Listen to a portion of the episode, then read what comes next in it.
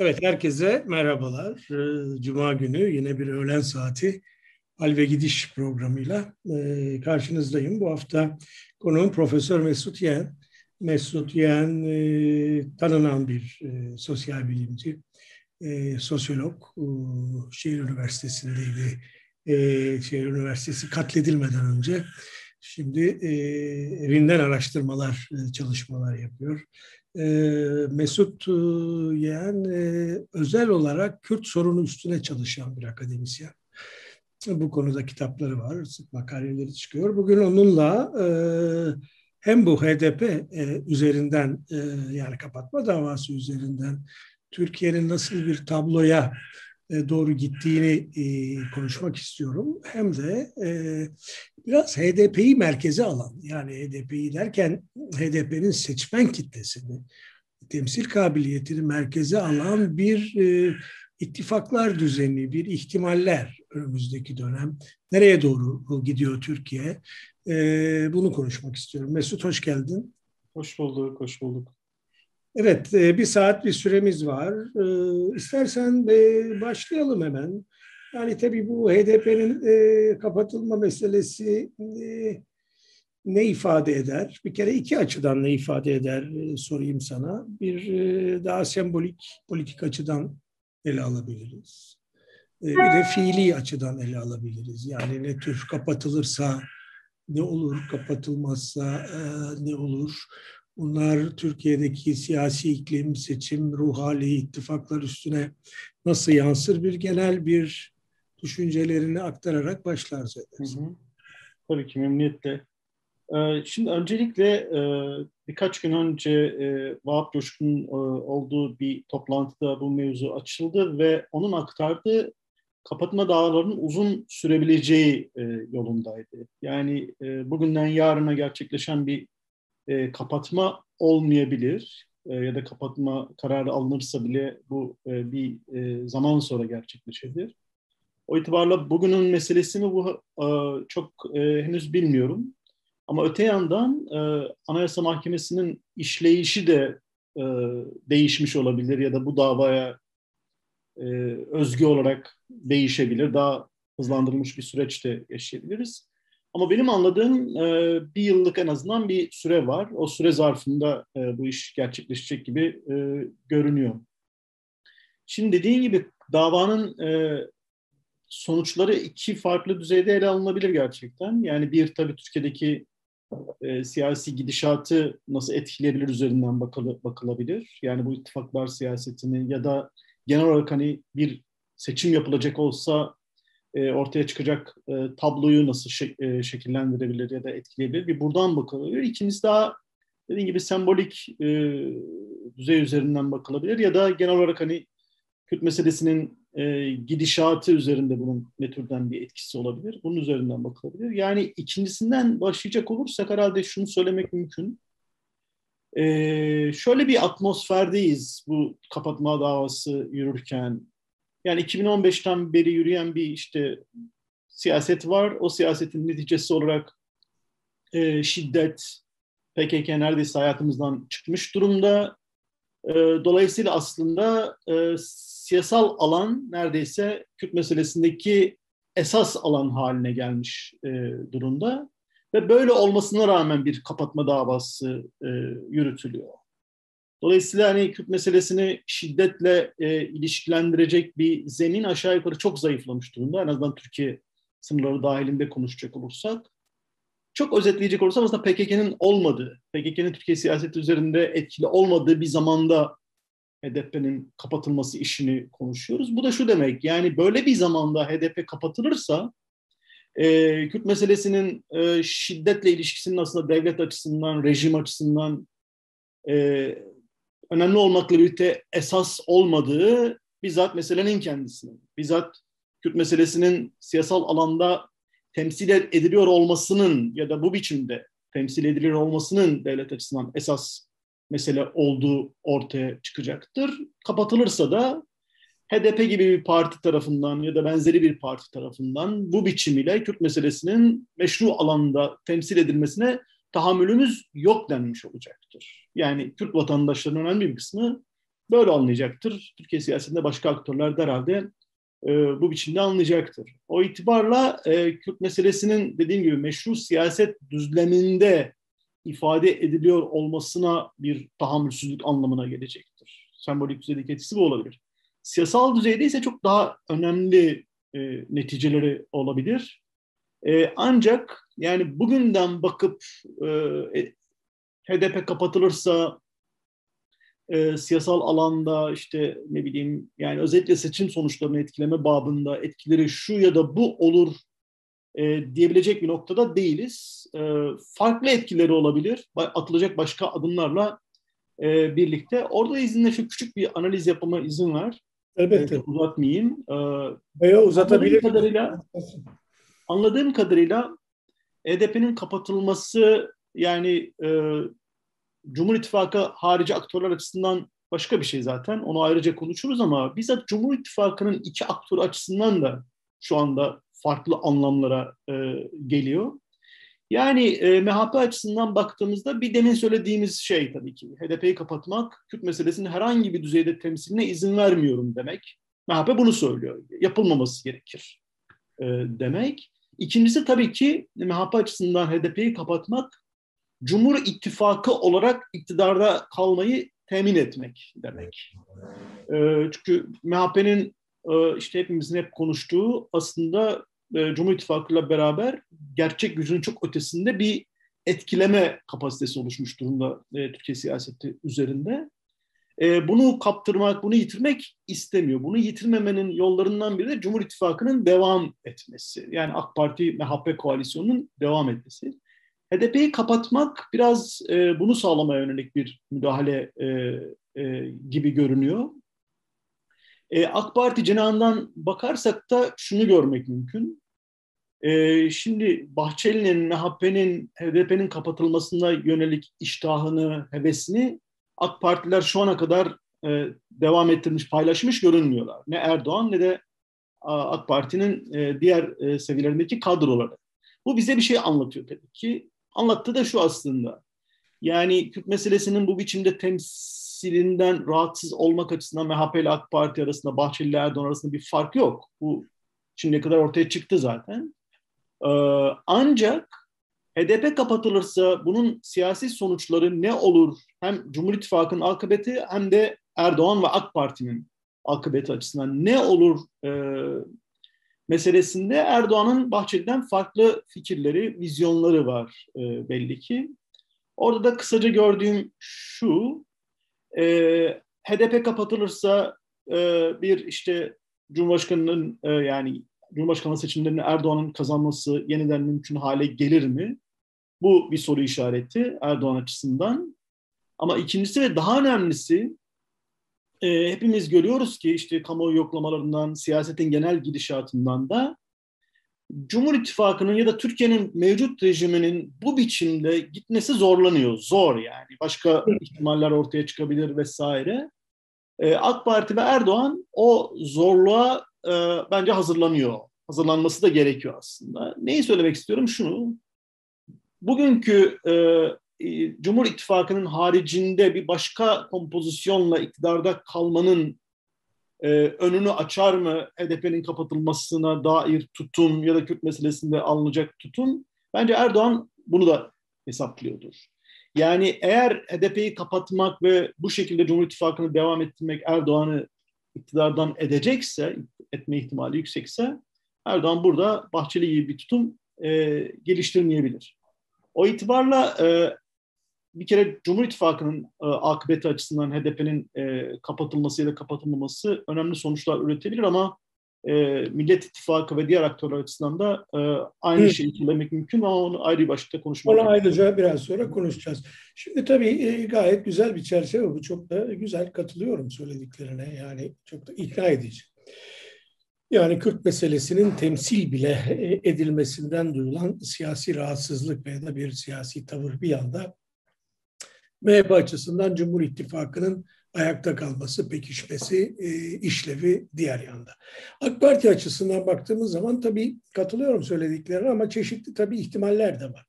E, bu ihtimallerden bir tanesi şu, şu ana kadar AK Parti çok tepki vermedi, evet.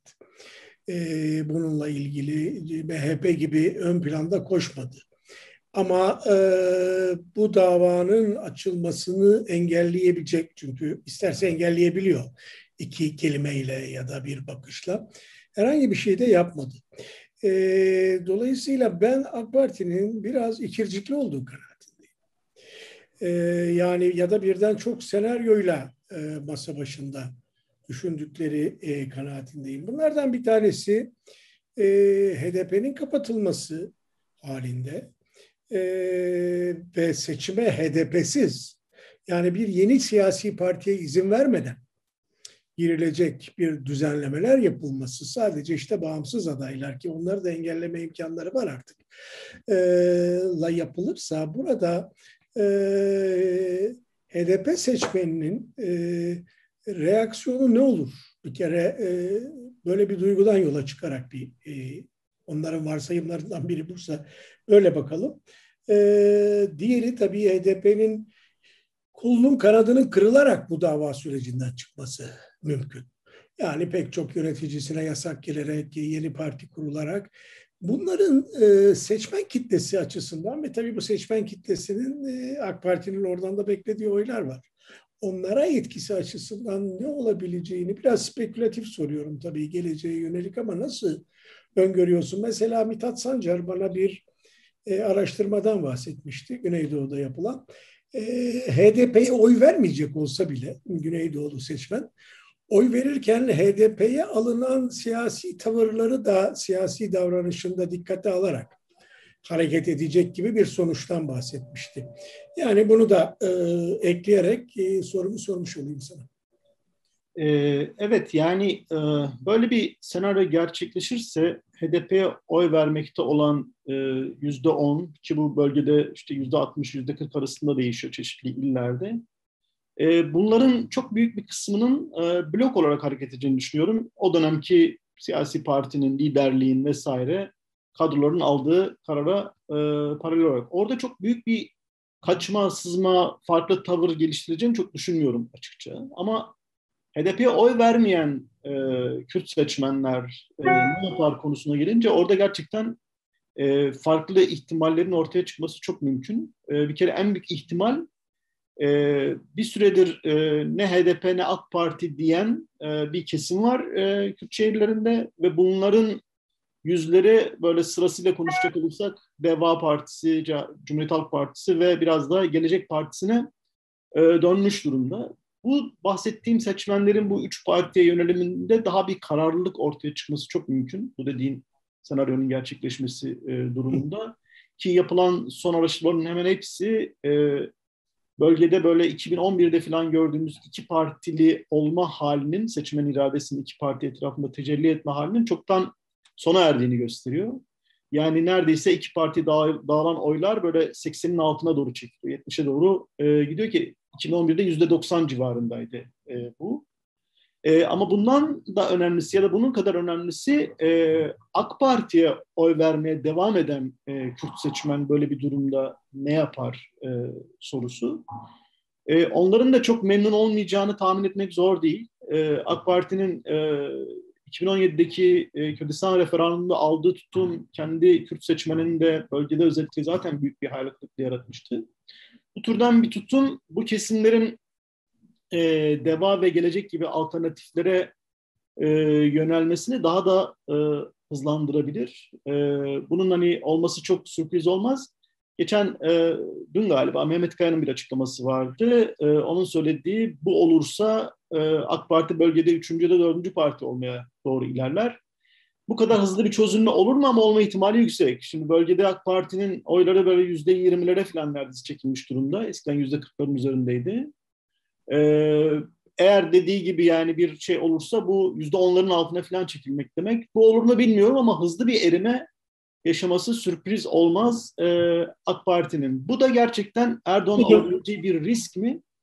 E, emin değilim. Çünkü hani HDP'yi kapatsanız ve herhangi bir alternatif bırakmazsanız diyelim ki parlamento seçimlerinde Kürt seçmen zorunlu olarak gider ve e, AK Parti'ye oy verir diyebilecek bir manzara yok ortada. Aksine e, o öfkeyle, o ne bileyim işte hayal kırıklığıyla insanlar e, ne bileyim işte başka alternatiflere yönelebilirler ya da HDP'nin gösterdiği adaylara, partilere vesaire e, kanalize olabilirler öyle görünüyor. E, bu başkanlık seçimleri açısından da e, tabii e, bu parlamento seçimlerinde böyle. Mesela peki başkanlık seçimleri açısından yine spekülatif bir soru. Tabii bu çok kolay değil cevap vermesi. Ee, şöyle bir denklem karşımıza çıkarsa yani HDP'ye tavır almış e, bir ve sistem dışı bırakılmış e, parlamento seçimlerinde bir partinin kitlesi e, dışlanırsa eğer dışlandığı bir e, başkanlık e, muhalefet adayına da e, oy vermez ve bu durumda AK Parti'nin önü açılabilir olabilir mi? Yani şunu söylüyorum, e, parlamento seçimleri açısından çok haklı bir şey söylüyorsun. Bu partinin kapatılması e, ve seçimler dışı bırakılmaya çalışılması AK Parti'nin çok rasyonel olarak baktığımız zaman işine gelmez. Gelmez çünkü oy kaybını hızlandırır diyorsun. E, fakat Cumhurbaşkanlığı seçimleri bak, açısından bakalım. Yine parlamento seçiminde bu tabloyu kabul edelim. Cumhurbaşkanlığı seçiminde eğer HDP e, muhalefetin temsil edeceği ya da çıkaracağı bir adayın belirlenmesinde dikkate alınmaz ise yani orada da oyun dışı biraz sonra konuya geleceğiz bırakılırsa burada e, AK Parti HDP seçmeninden medet umar mı? Yani böyle bir hesap olabilir mi? Yani mecburen e, böyle bir e, e, vermezler e, rakibe dışlandıkları için oy tutumu mu olur yoksa tersi Ama? Çok, çok zor bir soru. Biliyorum. Bu e, Akşener'in senaryosu yani Akşener'in önerdiği senaryo aslında. evet. E, şimdi bir kere bir hesapla katmamız değişken şu, e, HDP'nin kapatma davasıyla paralel de yürüyen bir e, işte siyasi partiler ve seçimler kanunu değişikliği projesi var malum. Orada da bir takım e, HDP'yi ya da işte Kürt seçmenin iradesinin e, olduğu şekilde diyelim ki e, şekillenmesini engellemeye matuf bir takım girişimler var. Yani mesela hani e, e, işte bir takım bir 20'nin üzerinde milletvekilinin bir partiye geçip grup oluşturarak o partinin seçimlere girmesini sağlamak gibi. Bu şimdi mümkün ama e, mevcut teklif, MHP'nin teklif anlamında bunu da engellemeye e, matuf bir içeriğe sahip. Dolayısıyla birkaç şey var ve bunların hepsi e, üzerine konuştuğumuz e, şeyi şekillendirebilir süreci. Ama demin aktardığın şey, e, senaryo benim anladığım Akşener'in senaryosu ve Akşener bunu teklif ediyor esas olarak muhalefete. Orada da söylenen hani şu, e, zaten parlamento seçimlerinde bir ittifak olmasın. Yani HDP'nin içinde olduğu bir ittifak olmasın ki HDP tutumunu burada açıkladı. Biz zaten orada hani bir ittifak içerisinde olalım e, niyetinde e, değiliz e, dedi. Dolayısıyla orada muhalefetin eli genel olarak rahatlamış durumda olmakla birlikte Akşener bu durumda bile şu öneri yapıyor. Bir de diyor ki HDP kendi adayıyla girsin Cumhurbaşkanlığı hı hı. seçimlerine. Dolayısıyla da e, bunun üzerinden seçimler ikinci tura kalsın ama HDP kendi adayıyla girmiş olduğu için de ortak adayın kim olacağı konusunda, muhalefetin ortak adayının kim olacağı konusunda bir sözü kalmasın. Bir söz hakkı olmasın. Dolayısıyla ikinci turda da HDP seçmeni e, işte 2015'ten beri yaşadıklarına bağlı olarak gitsin muhalefetin ortak adayına oy versin. Evet. Ne demek? Yani muhalefetin ortak adayı her kim olursa olsun e, işte HDP'nin bir kere onun kim olacağında e, rolü olmasın, bir sözü olmasın. E, bu da ne demek? İşte bu Akşener de olabilir, Mansur Yavaş da olabilir, Kemal Kılıçdaroğlu da olabilir vesaire vesaire. Bu Akşener'in önerdiği senaryo ve benim hani işte senin daha önce konuşmalarında da e, söylemiş olduğum üzere devlet açısından ya da aslında Türkiye devletini yönetmeye ehil olduğu farz edilen aktörler, kendisini böyle gören devleti yönetmek meşruiyetine sahip gören aktörlerin hepsi açısından bir win-win senaryosu. Yani Erdoğan kazanırsa da devleti yönetmeye ehil bir aktör kazanmış olacak. Akşener'in dediği senaryo çalışır da HDP'nin e, işte söz sahibi olmadığı, kim olacağı hakkında söz sahibi olmadığı bir aday kazanırsa da yine devleti yönetmeye ehil bir aday kazanmış olacak. Bu dediğim gibi devlet aklı evet. açısından bir win-win e, senaryosu. Ama bu win-win senaryosunun e, hakikaten e, hem muhaliflerinin hem e, müelliflerinin iyi düşünmesi gerekiyor. Yani şunu kolaylıkla söyleyemiyorum. Bu senaryo kesinlikle çalışmaz. E, işte Kürtler e, dışarıda kalırsa boykot tutumu geliştirir ya da ne bileyim hani gider bir kısım Erdoğan'a verir. Dolayısıyla bu senaryo e, şey fe, e, nedir başarısızlığa mahkumdur. Bunu da demiyorum. Ama öte yandan bu senaryonun çalışması asla e, mümkün değildir. Dolayısıyla e, Kürtler bu işe bulaşmamalıdır. İşte ne bileyim e, ne Erdoğan ne dolayısıyla muhalefetin adayı deyip e, bir üçüncü yol ya da işte boykot tutumu gibi bir şey geliştirmelidir. Bunu da diyemiyorum kolaylıkla. Bütün bunun bunların hakikaten masaya konması ve yani muhtemel sonuçların neler olabileceğinin iyi hesaplanması gerekiyor bütün aktörler tarafından. Yani söylemek istediğim şu, e, muhalefetin başat aktörleri, CHP, İyi Parti, onlar da iyi hesaplamalı atı, bu yönde atacakları adımların neticelerini. Hakikaten e, şey olabilir, e, rejim değişikliğini engellemenin, Erdoğan'ın 5 yıl daha iktidarda kalmasının, dolayısıyla Türkiye'nin 5 yıl daha otoriter bir rejimle yönetilmesinin adımı da olabilir. Ona da meşruiyet kazandırılmış olabilir bu adımlarla. Öbür tarafta HDP açısından şey de olabilir ya da Kürtler e, e, açısından. E, diyelim ki buna karşılık e, Kürt siyasetinin tutumu e, boykot oldu. E, ya Erdoğan'ın ya da diyelim ki muhalefetin ortak adayı bu akşamlar ya da diyelim ki Mansur Yavaş olsun diyelim ki bunun e, kazanmasının önü açıldı. O takdirde de bu senaryo gerçekleştikten sonra Kürt siyasetinin oluşacak yeni Türkiye üzerinde söz sahibi olma hakkı giderek azalabilir. Etkisi giderek azalabilir. Yani şöyle denebilir. E, 2023'ten sonra seçimi kazanmış e, aktör tarafından. Seçimlere bile iştirak etmediniz. Dolayısıyla gelecek üzerinde söz söyleme ehliyetini yitirdiniz de denebilir. Bunlar hepsi hakikaten üzerinde düşünülmesi e, gereken e, senaryolar. Evet, e, şimdi sen, e, pardon,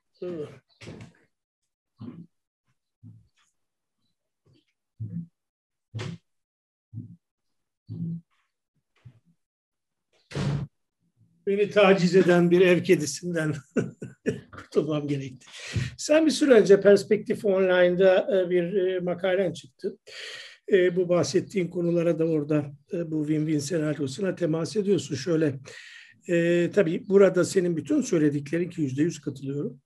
E, HDP'nin nedenli kilit bir HDP seçmeninin dolayısıyla onun üzerinden HDP'nin nedenli kilit bir parti olduğunu gösteriyor. E, ve burada e, karşımızda aslında bir açıdan baktığımız zaman iki proje var. Bir tanesi muhalefetin sisteminde de e, Cumhur İttifakı'nın sistemine benzer HDP'siz, Kürtsüz bir denklemin kurulması e, ve Türkiye'nin önümüzdeki dönemde işte herhangi bir muhalif aday ya da herhangi bir herhangi demeyeyim Erdoğan tarafından yönetilen bir Türkiye'nin böyle bir e, istikamete doğru hareket etmesi. Bunu çok basit bir senaryo olarak gör. Yani basit derken hafife almamak lazım. Hakikaten bugün e, Akşener'in istediği bu. E, Cumhuriyet Halk Partisi'nin de bunun çok karşısında olduğunu sanmıyorum. Yani sessiz sessiz Cumhuriyet Halk Partisi gemisinin ilerlediği istikamet de bu. Diğer siyasi partilerin zaten oyunu bu anlamda belirleme güçleri yok. Dolayısıyla HDP ile ilgili verilecek bir karar e, bu istikametteki bazı hareketleri, bazı senaryoları da pekiştirebilir. Şimdi böyle bir tablo, e, böyle bir risk var Türkiye'nin karşısında. Bu şu demek tabii, sen uzun süredir şunu söylüyorsun yazılarında. Bir, diyorsun ki Kürt meselesi Türk siyasetindeki yerini e, daha doğrusu Kürt siyasetinin Türk siyasetindeki yeri küçüldü. Yani e, bundan bir önceki dönemde siyasi partiler arasında, mecliste, yürütmede, basında her neyse Kürt meselesinin çözümüyle ilgili, tanımıyla ilgili büyük bir yer işgal ediyordu ya da relatif bir yer işgal ediyordu e, Kürt sorunu. Bugün e, siyaseten bu yeri işgal etmiyor. E, dışarı atıldı. Şimdi bu bir mesele. Bunu tabii e, asayiş ikame ediyor ama şimdi de işaret ettiğin başka bir e, risk daha var. Bu icraî siyaset ya da tematik siyaset açısından değil, temsil açısından da olabilir. Bir de buna e, Kürt aktörlerinin hiç temsil edilmediği bir ya da çok az temsil edildiği bir e, seçenek eklenebilir ki AK Parti zaten bunun bir kısmını gerçekleştirdi belediyelerde. Şimdi bu mecliste de olursa karşımıza böyle bir tablo çıkarsa e, iki soru tabii. Yani e, bunlardan bir tanesi Kürt meselesi açısından bir analiz tahayyülü olabilir mi? Yani e, çok kolay değil bugünden böyle bir şeye yanıt verebilmek. Bunlar günü gününe oluşan şeyler. E, Kürt siyasi alanı, toplumsal alanı da öyle tek boyutlu bir alan değil. Onun da farkındayım ama tabii insanların aklına gelen e, bir soru olmalı bu. Çünkü hakikaten böyle bir risk var. Ve bu risk de çok hafife alınacak bir risk değil. Sistemin doğası genin genlerine uygun bir istikamet. E, tabii diğer soru da şu, tersi olursa onu da e, biraz sonra konuşalım. Yani tersi olursa yani diyelim ki HDP e, bir tür e, başkanlık adayını belirleyecek bir e, sistemin içinde yer bulma imkanı olursa bu sefer bambaşka bir birazcık belki gerçekçi değil söylediğim ama bambaşka bir e, yeniden siyasete dönüş, yeniden tanımlama, bir Kürt alanıyla Türk alanı, devlet alanıyla Kürt alanı arasında yeni köprüler ihtimali var ki bu yeni toplumsal sözleşme arayışlarının ön koşullarından bir tanesi. Evet bunlardan birincisi üstünde biraz duralım Mesut. Ee, yani daha tehlikeli olan ihtimal üzerinde duralım.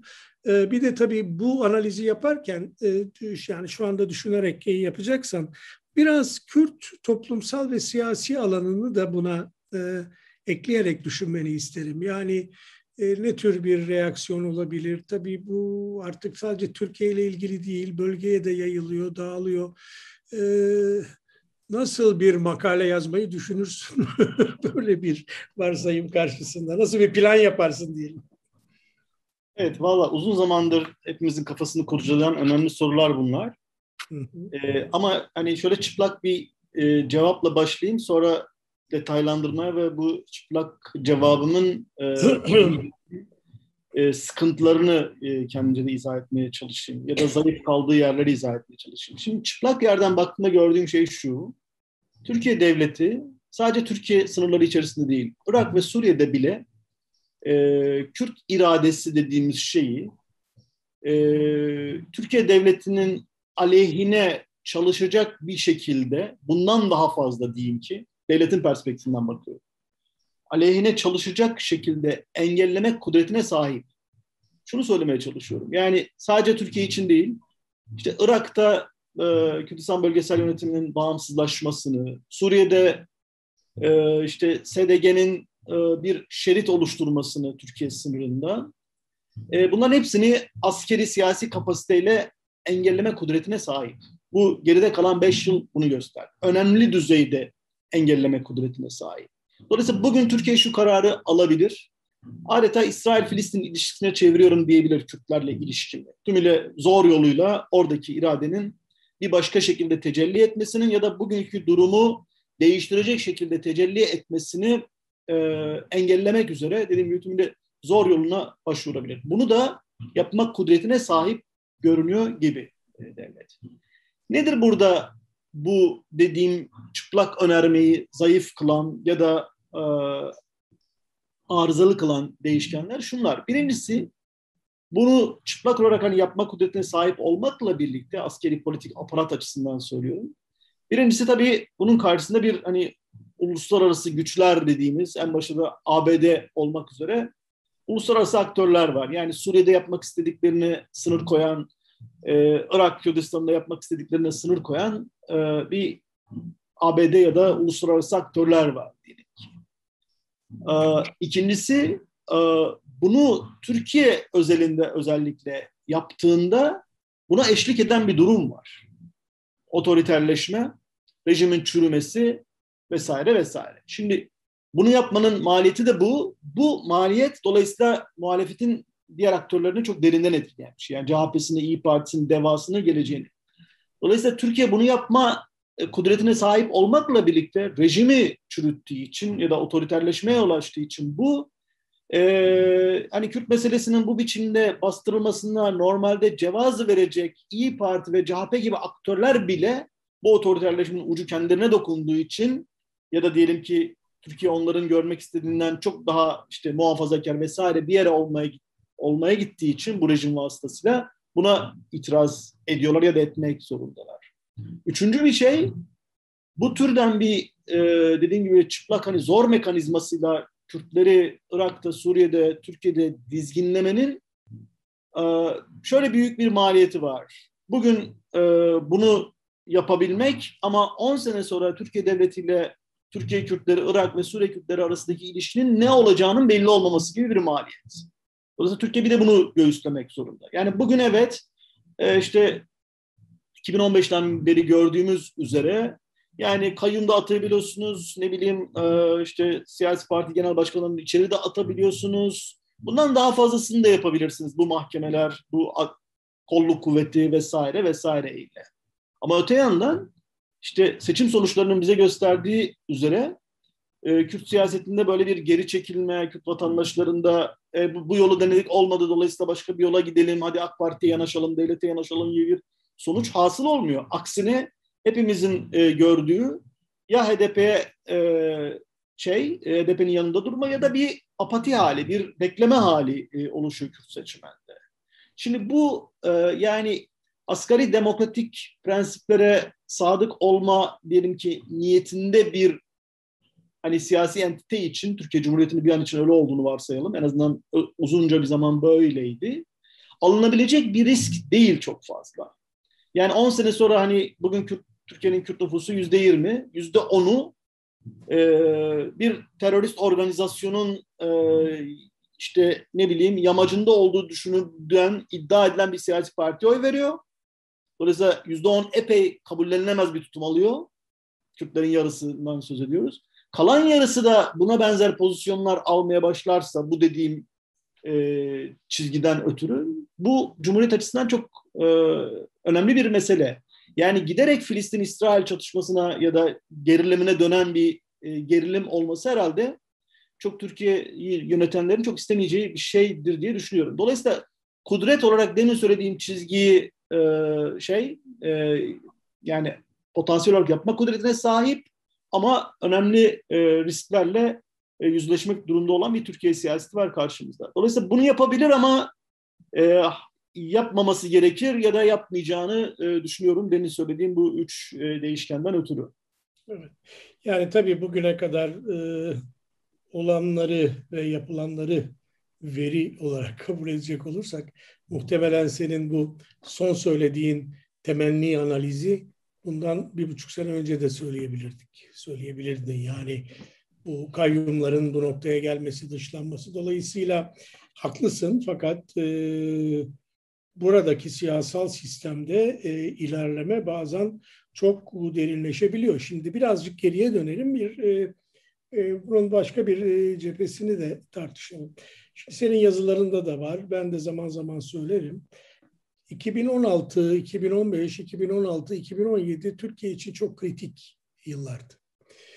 Yani AK Parti'nin serüveni içerisinde bir zıplamanın, bir kırılmanın olduğu yıllar. Bunun nedenleri var. Nedenlerinden bir tanesi 2015'te çözüm sürecinin bitmesi ve bitme koşulları, arkasından yaşanan hendek meselesi ama e, asıl daha önemlisi zannediyorum Suriye'de, Rojava'da oluşan tablo.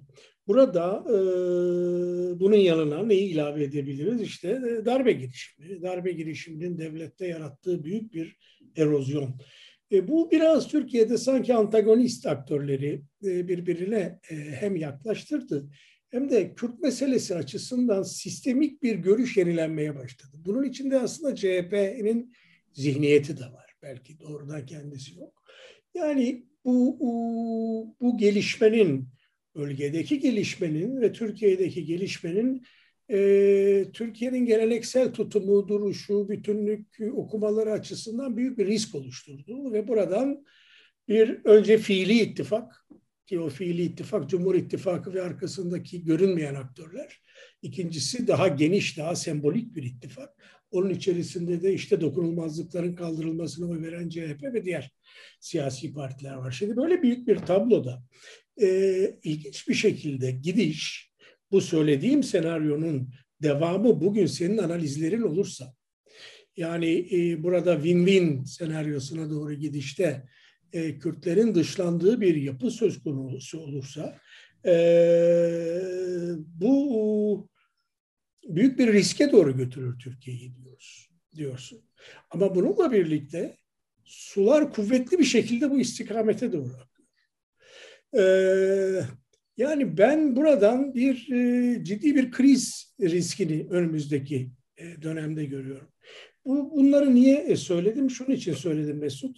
Şimdi önümüzdeki dönemi biz tabii çok geçmiş olduğu gibi geleceği de çok böyle jiletle bir şeyi keser gibi tartışıyoruz. Sanki seçimler olacak. Diyelim ki Tayyip Erdoğan gidecek ve arkasından Türkiye hızla normalleşecek. Bundan çok endişeliyim. Yani bir kere bu mevcut anayasal düzenin getirmiş olduğu bir seçim oyunu var e, yasama ve yürütme arasında bugün bir fiili birlik var. Çünkü çoğunluk elinde yürütmenin yasamada. E bu tersi olup sistem bloke olursa yani muhalefet diyelim ki parlamentoyu kontrol ederse e, buradaki kilitlenme e, Türkiye'yi yeni krizlerin eşiğine getirecek. Bu krizler bizim eski yıllarda yaşadığımız krizlere benzer. Yönetememe krizi, istikrar krizi vesaire krizi. Dolayısıyla burada e, Kürt aktörlerinin e, bu sistem içerisinde e, politik varlıklarını sürdürmeleri yeniden mümkün olur ve farklı bir biçimde mümkün olur. E, dolayısıyla böyle bir kaos senaryosunda ben ki böyle bir senaryo var karşımızda. Kürtlerin bir kez daha önemli kurucu bir rol oynayabileceğini düşünüyorum. Bilmiyorum ne dersin? Yani bu biraz belki analiz temenni tarafı daha baskın bir analiz diyelim ama öyle bir e, boyut olabileceğini düşünüyorum. Yani özellikle muhalefetin o, o dışlama eğilimine rağmen böyle bir blokajda, böyle bir kilitlenmede yeniden e, HDP ile ilişki kurmak zorunda kalacağını ve buradan kaçınılmasının zor olacağını düşünüyorum. Yani benzer şeyler düşünüyorum. Hani öncelikle muhalefetle ilgili e, çizdiğin tabloya şöyle bir iki küçük e, ekleme yapayım. Muhalefetin Kürt meselesine ilişkin pozisyonuna dair. Orada gördüğümüz e, yani deva ve gelecek sanki Kürt meselesinde işte Kürt yurttaşların e, böyle temel haklarının e, tanınmasına yönelik e, görece e, liberal bir tutum almış durumdalar ve kararlı da görünüyorlar. Sadece programdan falan söz etmiyorum. Şimdiye kadarki tutumlarını falan da hesaba katarak konuşuyorum. Bu türden bir e, tutumun CHP içerisinde de zayıf da olsa bir yansıması var. Ama bunları bir tarafa bırakacak olursak, yani büyük gövde, CHP yüzde 25, işte İyi Parti'de yüzde 10-15 arası dersek, yani bu yüzde 40'ın aşağı yukarı yüzde 30'u filan, dörtte üçü filan, e, yani Kürtleri ezmeyelim, Kürtleri tepelemeyelim ama bir hak filan da vermeyelim pozisyonunda. Seçmeni de böyle, siyasetçisi aşağı yukarı kadroları da e, bu halde. Dolayısıyla Türkiye siyasetinin aşağı yukarı yüzde yetmişi filan neredeyse belki seçmenin ve onları temsil edenlerin yani Kürtlere bir şey vermeden bu işten çıkalım haleti e, ruhiyesinde. O itibarla zor bir e, oyun hakikaten. Kürtler açısından e, düşündüğümde zor bir e, e, oyunun e, parçası. Ama öte yandan bu devanın ve geleceğin bu tutumu, buna saadeti biraz ekleyebiliriz. Ve CHP içerisinde hem demin söylediğim liberal tutumun bir aksi, aksi olması ama hem de yani bu mevcut otoriter rejimden çıkmak için Türklerin desteğine ihtiyacımız var önermesinin böyle şey e, temel bir önerme haline gelmiş olması ya da bunun temel bir gerçek haline gelmiş olması e, işte CHP'yi belki kısmında İyi Parti Kürtlere bir, biraz kulak vermeye de e, zorunlu kılıyor. Bu dediğimiz durum dediğiniz senin de önümüzdeki dönemde rejim herhangi bir krize girdiğinde e, işte Kürtlerin daha fazla dikkate alınmasının e, önünü açabilir. Hele buna şunu da eklersek Yani e, demin konuştuğumuz o win-win senaryosunun çalışması halinde e, Kürtlerin bugün işte HDP'nin e, etrafında durma halinin böyle yüzde onlar civarında e, seyrediyor olma durumu değişir de bu yüzde onların da üzerine çıkarsa o zaman mecburen e, kale alınmak zorunda e, olunan bir aktör olacak. Çünkü orada hani hep konuştuğumuz şu var. Yani evet Kürtlere bir şey vermeyelim konusunda bir ortaklık var. O Türkiye siyasetinin aktörleri arasında. Ama ve lakin bu aktörlerin de kendi arasında da bir gerilim var. Türkiye daha seküler, daha batıya yakın, daha demokratik bir yer olsun mu olmasın üzerinden bir bir gerilim var. Bu gerilim giderilemezse ki giderilmesi hani Türkiye böyle bir toplum oldukça mümkün görünmüyor. E, giderilemezse Kürtlerin işte yardımına ihtiyaç duyma hali de hep orada olmaya e, devam evet. edecek. Ama 2016'da gördüğümüz üzere zaman zaman Kürtlerin yardımına falan ihtiyacımız yok deyip bütün Tabii. faktörler bir araya da e, gelebiliyorlar.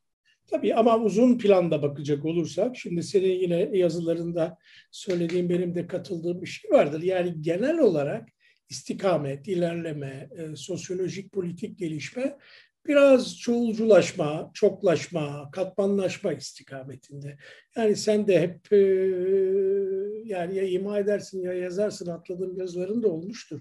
Yani Kürt sorununda şiddet dışı siyasetin, örneğin HDP gibi bir siyasi partinin daha e, öne doğru ilerlemeye başlaması, siyaset fikrinin daha baskın olması bir tarihi istikamet bir tarihi ilerleme. Bunu e, pek çok insan gibi sen de kuvvetle altını çizdin. Şimdi e, diyoruz ki senin şu son yaptığın analizden hareketle e, Hendek meselesine rağmen, sert çatışmalara rağmen e, Kürt seçmeni itibariyle yani HDP'ye oy veren seçmenin büyük bir e, kısmının Kürt seçmeni olduğunu varsayıyorum.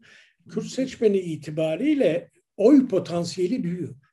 Yani yüzde altılardan yüzde yedilerden on yıl içinde yüzde onlara on ikiler on üçlere geldi. Bu o, aynı o siyaset meselesinde olduğu gibi yani siyaset şiddet e, ikame meselesinde olduğu gibi bir onsuz olmaz bir faktör haline e, ilerleyen bir tablo var. Yani o win-win senaryosunda ya Kürtler olmadan e, e, sistemimizin içerisinde ee, onlar da bize işte dolaylı oy versinler. Biz de onlara dolaylı bakışlar atalım güzel. Bunu böyle idare edelim senaryosunun pek e, yürümeyeceği de gözüküyor. Yani orada tabii bir blokaj var.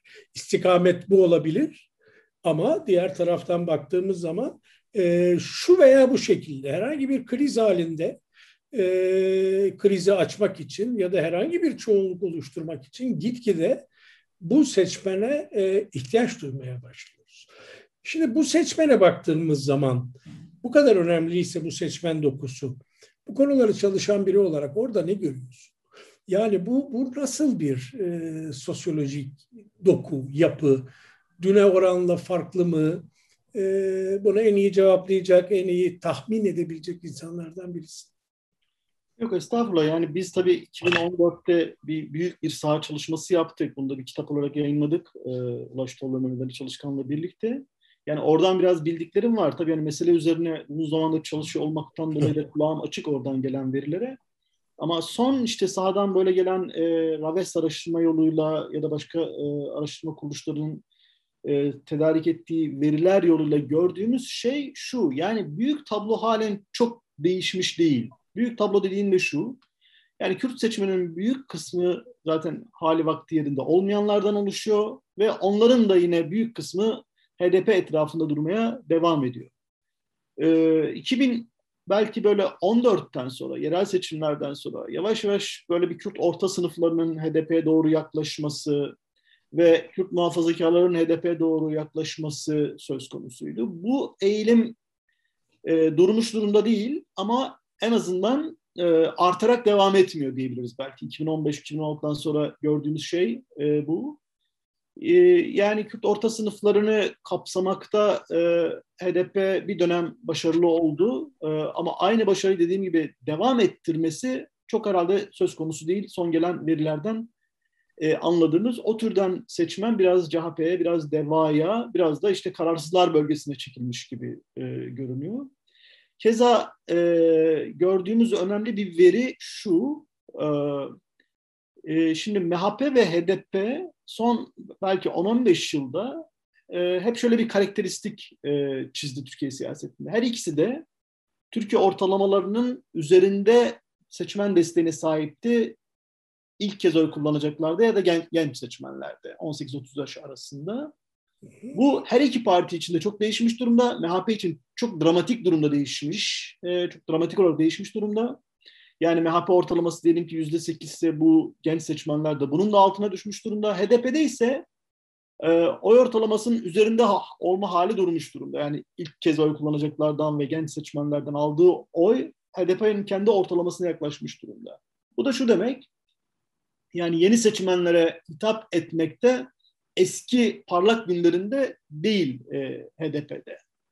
E, bunun tabii 2015'ten sonraki, yani 2015 sonrası süreçte e, çok ilgisi var. Bu da şunu anlatıyor, e, yani Kürt siyasetinde bir şekilde bir yenilenmeye, yeni söz söylenmesine, yeni imajların devreye sokulmasına vesaire ihtiyaç var eğer mevcuttan daha e, işte yani kuvvetli bir seçmen desteği e, alınmak isteniyorsa. Yani şey de denebilir, hani mevcut olan bize yeterli e, bu yoksulların, dışlanmışların desteğini alarak gitmek bizim için yeterli de denebilir ama hani hegemonik bir aktör olmaya devam etmek istiyorsa HDP, işte bu orta sınıflar, muhafazakarlar ve gençlerle olan muhabbetini derinleştirmek zorunda. O da dediğim gibi yeni yeni yüzlerin, yeni söylemlerin, yeni imajların devreye alınmasını e, gerektiriyor gibi. Ancak bu dediğim sürecin gelişmesini kolaylaştıracak bir zemin var uzun süredir birlikte bizimle. Ve fakat e, yeterince e, propagandası yapılan, seçmenin gözüne sokulan bir veri değil bu. O da şiddetin neredeyse sıfıra inmiş olması. E, yani Kürt meselesi kaynaklı e, e, şiddetin, devletin şiddetinden söz etmiyorum ama PKK'den söz ediyorum mesela, sıfıra inmiş olması. Dolayısıyla aslında devletin söyleminde şöyle bir e, çelişki var. Bir yandan işte PKK'yı bitirdik deniyor ki yani veriler e, etkisizleştirildiğini gösteriyor en azından. Ama öte yandan da hani Kürt meselesinde PKK ile ilgisi olmayan yani hak hukukla ilgili, şiddetle ilgisi olmayan e, kısımlarda da halen devlet e, bildiğimiz pozisyonunu e, devam ettiriyor. Yani Kürtlerin hakkını, hukukunu vermeyeceğim diyor. Dolayısıyla bu Kürtlerin hakkını, hukukunu vermeyeceğim çünkü ortada şiddet var önermesinin de geçersiz olduğunu gösteren. Ama bunu bir tarafa bırakalım. E, muhalefet partilerinin özellikle kullanması gereken zemin uzun vadede de kaçınılmaz olarak kullanacakları zemin ya da veri şu ortada şiddet yok dediğim üzere. Şimdi bu şiddet olmama hali bir süre daha ve şiddete şiddetin kullanımına yönelik bir e, nasıl diyeyim bir eğilim de yok. E, yani PKK'ya katılımlar e, işte durmuş durumda, çok sınırlı hale gelmiş durumda vesaire vesaire. Bu süreç böyle devam ederse e, e, HDP demin söylediğim sebeplerden ötürü kısmen uzaklaşmış kesimlerin eğer demin yine sözünü ettiğim işte söylemler, siyasetler, figürler, imajlar devreye alınırsa yeniden dönme ihtimali de ortaya ortaya çıkabilir. Ama hani bunlar e, bir sürü şeye bağlı. Eğer şu olursa, eğer şu olursa'ya bağlı. Peki bu söylediğin e, hususlarla HDP'nin son dönem e, siyasi dili, durumu arasındaki ilişkiyi nasıl değerlendiriyorsun? Yani Mithat'ın, bizim Mithat Sancar'ın tabii e, dile getirdiği bazı görüşler var. Ee, nasıl bakıyorsun? Bence uyumlu gözüküyor. Yani bir kısmıyla uyumlu ama e, bir kısmıyla da çok değil şundan. E, HDP çok fazla kendi derdine yoğunlaşmış durumda. Yani üzerindeki e, baskıları bir şekilde işte nötrleştirme e, işinin peşine düşmüş durumda. Çok fazla kendisiyle meşgul. Kendisiyle meşgul olması da zaten devletin bir taktiği, bir stratejisi belli ki. İşte sürekli mahkemeler, sürekli baskı yani sokağa çıkılmasına izin verilmeyen bir parti, kadrolar, vekiller vesaire bunlarla e, karşı karşıyayız. Böyle bir ortamda e, bu demin söylediğim ihtimaller üzerine böyle büyük siyasetler geliştirmek falan zor. Ama dediğin üzere en azından muhalefet partileriyle ve başka muhalif odaklarla yani parti dışı odaklarla kurdukları serin kanlı, biraz e, geniş ilişki e, bu dediğimiz hani ihtimali biraz kuvvetli kılıyor. Fakat bu ne kadar devam eder? E, bunu açıkçası çok e, bilemiyorum. Yani bu yönde böyle derin bir e, nasıl diyeyim öz düşünümsellik geliştirilmiş mi? Ondan çok emin değilim açıkçası. Evet, öz düşünümsellik güzel bir tabirdi. Şimdi e, son e, tema biraz önce söylediğim e, yani tersi olsa Mithat Sancar ilginç bir öneride bulundu, önemli bir öneride bulundu. Daha doğrusu bilinen bir şeyi belki daha netleştirdi. Yani bizden muhalif partiler olarak e, hükümet tarafı çok baskı yapıyor. PKK, HDP arasında ilişki vardır. HDP ile masaya oturan e, herhangi bir konuda PKK ile oturmuş anlamına gelir tarzı bir baskı. Biz zaten Millet İttifakı'nda e, olmayacağız. öyle bir oya, e, öyle bir ittifaka ihtiyacımız yok. Biz meclise kendi oyumuzla gireriz. E, dolayısıyla rahat olun e, tarzı bir açıklama yaptı ama buna karşılık haklı olarak eğer Cumhurbaşkanlığı yarışında ortak bir aday belirlenecekse HDP de orada olmak ister. Adayın belirlenmesinde ve adayın belki kazandığı takdirde yapacağı bir restorasyon programının bir tarafında. Tabii bana bu hep e, birazcık tabii gerçekleri zorlayan, mevcut yerleşik gerçekleri zorlayan bir öneri ama çok anlamlı bir öneri geliyor. E, çünkü bu aslında e, Türkiye'de bir tür HDP'nin de kurucu bir role doğru ilerlemesi demek. Yani bu yeni dönemde yapılacak bir restorasyonun parçası olması demek. Bu aslında Kürt sorununda çok önemli bir hamle, bir ilerleme, bir e, çözüme e, ramak kalma durumuna gelme hali olabilir. Bilmem ne düşünüyorsun. Yani bir bununla ilgili ne düşünüyorsun? İkincisi bunun e, mümkün olup olamayacağı hakkında ne düşünüyorsun diyeyim. E, ve son sorum da böyle olsun.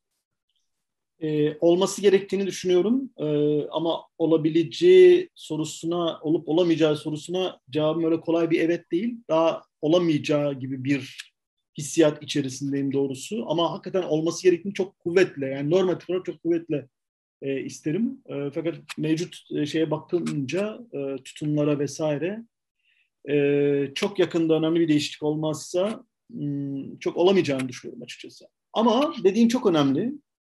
E, yani Türkiye yeniden kurulacaksa, işte bu mevcut otoriter rejimden bir büyük uzlaşmayla çıkılacaksa, Kürtlerin dahli içinden çıkıp geçtiğimiz durumun meşruiyetinin çok geniş olmasına izin verecektir. Öbür türlü meşruiyete dar bir yeni duruma geçmiş olacağız. Hem sorunun bir de Kürt sorununun halline doğru giden kapıların neredeyse e, ulaşılmaya kadar gidecek bir tabloyu ortaya çıkaracaktır. Çok doğru. Yani e, buradan bakınca özellikle İyi Parti'nin, CHP'nin e, bence daha fazla uyarılmaya vesaire ihtiyacı var. Yani evet hani AK Parti'den Erdoğan'dan kurtulabilirsiniz de e, kurtarıp getirdiğiniz Türkiye çok işimize yarar bir Türkiye olmayabilir. Türkiye'nin bu büyük sorunlarını e, düşündüğümüzde. Dolayısıyla oraların e, hızla herkes tarafından aklı selime gerçekten davet edilmesi gerekiyor. Hazır ortada böyle meş, hepimizi meşgul eden bir şiddet ortamı yokken hazır HDP e, de yeni Türkiye'yi kurmak ve o Türkiye'nin işte